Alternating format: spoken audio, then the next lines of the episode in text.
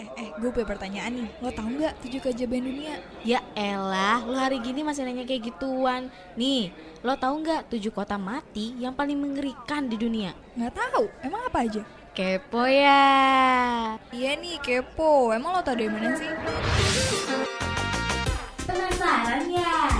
Biar lo nggak kepo, dengerin aja Kepo ya Setiap hari Senin dari jam 2 siang sampai jam 4 sore Only on Radio Mercubuana FM Station for Creative Student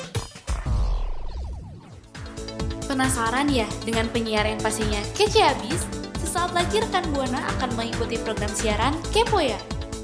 Dengerin siaran Kepo ya setiap Senin jam 2 sampai 4 sore only on radio.mercubuana.esi.id.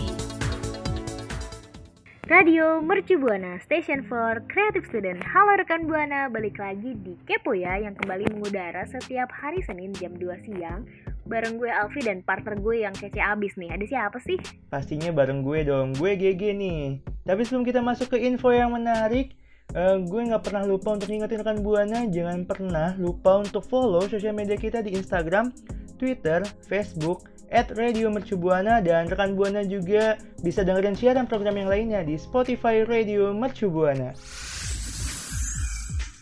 Radio Mercubuana Station for Creative. Halo rekan Buana, gimana nih kabarnya? Masuk di hari Senin jam 2 siang, Kepoya bakal nemenin rekan Buana dengan info-info yang menarik nih pastinya. Kali ini kita bakal bahas apa nih, Vi? Kita sih bakalan ngebahas tentang rempah-rempah gitu rekan Buana. Nah, rekan Buana tahu nggak sih kalau Indonesia tuh dikenal sebagai penghasil rempah terbesar di dunia loh? Pasti sih, karena kan dari dulu ya, dari zaman Belanda di buku sejarah juga kan hmm. Penjajah tuh sebenarnya nyari rempah-rempah ya gak sih? Iya bener banget Vi. Soalnya kan keragaman rempah-rempah ini kan jadi satu bagian yang tak terpisahkan gitu yang emang kental banget gitu di sejarah bangsa Indonesia. Betul banget. Soalnya rempah-rempah tuh kayak narik perhatian banget deh buat kayak bangsa Portugis buat datang ngejajah nih ke hmm. Indonesia demi ya ini rempah-rempah ini karena mungkin kan di sana mahal gitu harga rempah-rempah terus juga hmm. dulu tuh pertama kalinya ditemuin di Maluku loh rekan buana nah rekan buana tahu nggak sih kalau uh, sepanjang abad ke-16 dan 17 bangsa Portugis dan Spanyol itu memperebutkan penguasaan tanah rempah-rempah di Maluku dan disusul oleh bangsa Belanda di abad ke-17 wah saking pengen rebutin rempah-rempah ya jadi perang nih ya antar kubu betul banget Portugis, Spanyol bahkan Belanda. Tapi nggak heran sih G kalau misalkan bangsa-bangsa tersebut sampai berantem. Karena tuh rempah tuh jadi barang yang jadi barang dagang utama dan paling berharga saat itu loh ya saat itu. Bayangin aja harga jual cengkeh tuh hampir sama kayak harga emas gitu bata emas batangan lagi. Gila mahal banget kan kalau misalkan dipikir-pikir. Ada banyak banget rempah-rempah hmm. Indonesia yang jadi komoditi utama perdagangan ya kayak contohnya cengkeh, pala, hmm. kayu manis, lada, sama jahe. Hmm, hmm, hmm, bener-bener. Soalnya kan rempah-rempah juga banyak banget manfaatnya, Vi. Hmm, betul. Selain buat masak ya, selain buat masak. Ya bener banget. Soalnya juga selain buat masak, rempah-rempah tuh punya manfaat kayak misalkan buat kesehatan, ngantin badan atau pengobatan. Bahkan rempah juga udah digunain buat menghangatkan badan sejak bangsa Mesir kuno jauh sebelum zaman penjajahan bangsa Eropa di abad 16. Terus juga salah satunya kayak yang biasa kita jumpai nih, sekuteng hmm. atau wedang jahe. Karena itu dari rempah-rempah ya kan, Ge? Iya, bener banget bener Vi. Terus juga uh, kayak yang suka kita gunain tuh minyak kayu putih ya kan? Oh iya betul betul. betul itu betul. bisa juga kan buat menghangatkan badan gitu pokoknya banyak banget deh rempah-rempah yang hmm. berguna hmm. gitu buat tubuh. Nah, pada bangsa Mesir kuno kan e, mereka menggunakan kayu manis apa ya? Kayu manis terus juga merica, cengkeh yang tujuannya untuk mengawetkan mumi raja-raja Mesir. Wah, gimana tuh ya caranya? Waduh, mumi. Iya. Makanya ya, gimana tuh ya? Nah, mungkin karena dari situ juga ya. Makanya Indonesia dikenal sebagai penghasil rempah terbesar di dunia. Hmm, bisa jadi sih, bisa jadi. Nah, pada masa modern sekarang nih, masyarakat dunia kan e, bisa nikmatin gitu, nikmatin rempah-rempah melalui produk-produk makanan olahan produksi Indonesia. Misalkan ya contohnya produk dari PT Indofood yang udah diekspor ke mancanegara ya, Vi. betul, betul. Nah, jadi kayak jadi kayak ini ya, Vi, kayak olahan-olahan tuh jadi lebih uh, simple, lebih praktis gitu. Jadi semua orang bisa nikmatin rempah-rempah yang dihasilkan dari Indonesia dan Indonesia pun bisa dikenal lebih luas lagi gitu. Betul banget salah satunya tuh uh, jamu ya dulu sebenarnya itu jamu bubuk tapi hmm. sekarang lebih maju lagi jadi produk yang namanya tolak angin pasti kan tahu dan bahkan ada di mana-mana gitu hmm. mungkin di Indonesia sendiri harga tolak angin tuh ya terbilang masih di bawah 5000 tapi di luar negeri mungkin harganya jauh lebih mahal. Karena gue sendiri kebetulan belum pernah beli tolak angin di luar negeri sih. Kayak ngapain gitu jauh-jauh ya kan? Oh ya Pi, terus juga kan sekarang ada ini. Lo tau gak sih kalau misalkan ada UKM yang beberapa UKM menyediakan kayak dagangannya tuh minuman-minuman jamu gitu. Oh, Jadi kayak botolan, botolan kayak gitu. Iya jadi uh, yang kemasannya lebih modern gitu. Jadi setiap anak muda bisa nikmatin jamu-jamu yang lebih simple, lebih praktis dan emang bisa dibawa ke mana aja gitu. Dan itu sering banget gue temuin nih rekan buana. Kalau misalkan rekan buana mungkin nih ketemu juga kalau lagi ke blok M pasti ada aja mas-mas mahasiswa yang kayak nawarin produk. Entah itu jamu entah itu kopi tapi bener-bener di blok M tuh kalau misalkan mencari minuman kayak gitu tuh pasti ada aja yang datang dan kata-katanya tuh sampai-sampai gue apal gitu. Nah bener-bener. Nah kalau dari rekan buana sendiri nih ada nggak sih kayak pengalaman gitu dari soal rempah-rempah gitu? Misalkan rekan buana uh, pengen bikin jamu tapi nggak tahu caranya gitu kan. Nggak tahu ngebedain jahe sama lengkuas gimana cara nah ceritanya aja nih ke gue sama Alfi pengalaman rekan buana soal rempah-rempah. Langsung aja nih mention ke twitter kita at radio mercubuana dengan hashtag kepo ya Radio Mercubuana Station for Creative.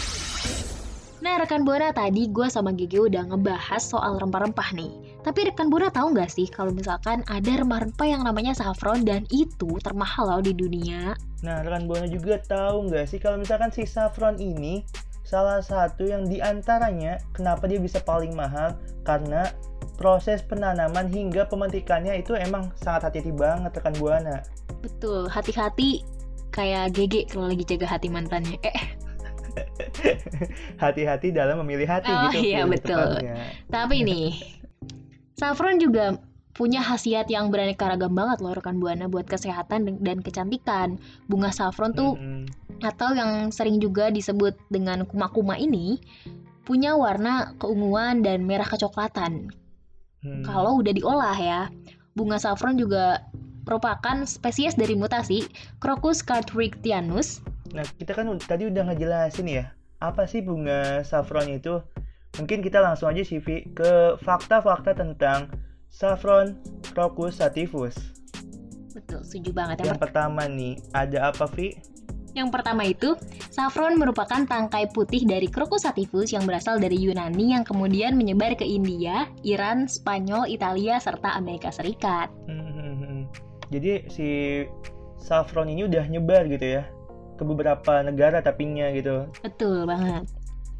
Dan mungkin itu juga jadi salah satu penyebab dia mahal ya kalau misalkan uh, di negara yang ini nggak ada barangnya gitu. Jadi perlu ekspor segala uh -huh. macam. Betul banget, betul banget. Setuju. Nah, rekan buana nih, yang kedua sudah dibudidayakan sejak 3000 tahun lalu dan pemetikan saffron ini dilakukan pada dini hari tanpa menggunakan bantuan mesin dan dikerjakan manual menggunakan tangan secara langsung. Hmm. Nah, ini nih yang menarik dari saffron. Jadi dicabutnya, dipetiknya tuh sama para pekerjanya tanpa hmm. mesin. Nah, ini nih mungkin jadi apa ya? Hal yang mahal gitu di setiap uh, pada perusahaan gitu. Pada perusahaan yang paling mahal tuh ini nih. Karena masih dikerjakan secara manual gitu. Mungkin uh, Saffron tuh kayak Malika ya. Dibesarkan seperti anak sendiri gitu kan buana iya kan sangat hati-hati banget buat iya betul banget. Dan fakta yang ketiga nih rekan buana saffron asli itu memiliki kandungan rasa pahit dan ber beraroma manis. Kalau misalkan saffronnya direndam dalam air airnya tuh jadi warnanya kayak tetap merah nggak luntur gitu. Walaupun seluntur hmm. ya tapi dan nggak jadi putih. Tapi jangan sampai beli ya. Jangan sampai salah beli. Hmm, karena takut salah kalau salah beli kan percuma gitu ya view udah mahal. Salah hmm. beli ternyata salah gitu beda beda tipenya beda bunganya gitu. Iya nggak ada khasiatnya ya takutnya. Hmm, bener banget. Nah yang keempat nih saffron dengan kualitas terbaik bisa dibanderol sampai dengan 150 juta per kilogram. Nah, kan mahal. mahal banget. Makanya disebut mahal. Harga per kilonya aja bisa mencapai 150 juta loh rekan Buana. Lumayan tuh ya. Narasi ini heeh, kayak mau ini ya, Apa tuh? nyicil buat nikahan gitu ya. Sekilonya bisa buat mahar ya. Makanya cuma rempah doang Iya, gitu iya. loh. Terus yang kelima ada apa tuh, Vi? Nih yang terakhir nih dan uniknya lagi, saffron ternyata tuh nggak cuman mekar selama 6 minggu pada akhir tahun aja, tapi pada akhir bulan September sampai awal bulan Desember juga saffron tuh bakalan mekar loh rekan Buana. Jadi kalau misalkan ya rekan Buana pengen gitu buang-buang duit 150 juta kayak Siska Cole bisa banget nih beli saffronnya. Yuk saffronnya kakak. Ya nabung masih ada waktu nih ke bulan September sama Desember bisa Mm-mm. nabung rekan buana nabung nabung kan kemarin eh, minggu lalu kita udah bahas soal nabung ya cara nabung nah mungkin nih hasil nabungnya bisa untuk beli saffron ya Vi Betul banget. Karena nah juga kalau dari ini Vi kalau dari lo sendiri ngomongin rempah-rempah apa sih yang lo tahu tentang rempah-rempah itu selain dari saffron yang mahal ini harganya ya Kalau gue dengar kata rempah-rempah yang pertama kali ada di otak gue pastinya jahe. Nggak tahu kenapa, Hmm. karena kan itu menghangatkan badan gitu ya. Terus juga kebetulan gue suka banget sama jahe bahkan pernah Hmm. sekali mabuk jahe kebanyakan bener-bener kebanyakan. Soalnya itu gue berusaha buat gimana ya gue kalau misalkan lagi batuk tuh selalu bikin Iya, air jahe tapi itu kebanyakan over. Jadi gue kayak muntah tiba-tiba tuh kayak mabuk bener-bener. Pertama kalinya terus tapi abis itu udah lama tuh nggak minum jahe lagi baru deh baru-baru ini minum lagi. Kalau lu gimana Ge? Nah kalau gue pengalaman soal rempah-rempah tuh karena dulu eh, waktu SMP setiap pagi kalau misalkan gue mimpin upacara jadi danton segala macam kan gue harus banget ya makan kencur. Mhm. apalagi latihan tuh wajib banget makan kencur. Kencur mentah gitu. Ya kalau jamu kan harus diolah dulu nah ini gue mentah langsung dimakan gitu. Ih. Karena emang itu anget anget banget sih. Sama Mhm. kayak jahe angetnya nah kalau ngomongin eh, rempah-rempah yang jamu kayak gitu pas banget ya dong Vika. Kondisi sekarang yang masih pandemi gitu rekan buana cocok nih buat bikin jamu jamu yang emang simple gitu. Kayak kayak tadi si Alfi nih jahe. Kayak terus gue kencur gitu bisa diolah kan. Setuju Cocok banget buat sih. jamu jamu olahan rumahan gitu. Jahenya juga ditambah kayu manis juga enak tuh rekan buana. Nah bener-bener bener lagi kalau lagi musim hujan ya Vi anget-anget Mm, gitu. betul terus juga kalau misalkan lagi dingin-dingin gitu. Kayak misalkan sikap doi dingin banget nih minum air jahe deh. Eh enggak deh enggak bercanda ya. Nah, selain dari rempah-rempah yang buat makanan, nah mungkin rekan buana juga udah familiar banget kalau rempah-rempah itu bisa untuk kesehatan. Ini gue sama Alfi pengen nanya nih sama rekan buana, ada cerita apa sih gitu tentang rempah-rempah sama jamu, rempah-rempah dan jamu? Langsung aja kali ya, Vi ya. Mention kita di mana, Vi? di Twitter @radiomercubuana dengan hashtag kepo ya Radio Mercu Buana Station for Creative Studio. Nah, rekan Buana tadi kan kita udah ngebahas soal sejarah singkat dari rempah-rempah, terus juga kita udah kenalin fakta unik dari rempah-rempah saffron yang termahal di dunia. Tapi, sorry banget nih, karena gue sama Hmm. Gigi harus pamit undur suara. Tapi sebelum kita pamit ya, Vi. Sebelum kita pamit, Mhm. gue sama Alfi nggak pernah lupa juga nih untuk mengingatkan rekan buana untuk selalu patuhi protokol kesehatannya di mana pun, kapan pun, dan Betul. dengan siapa pun pastinya.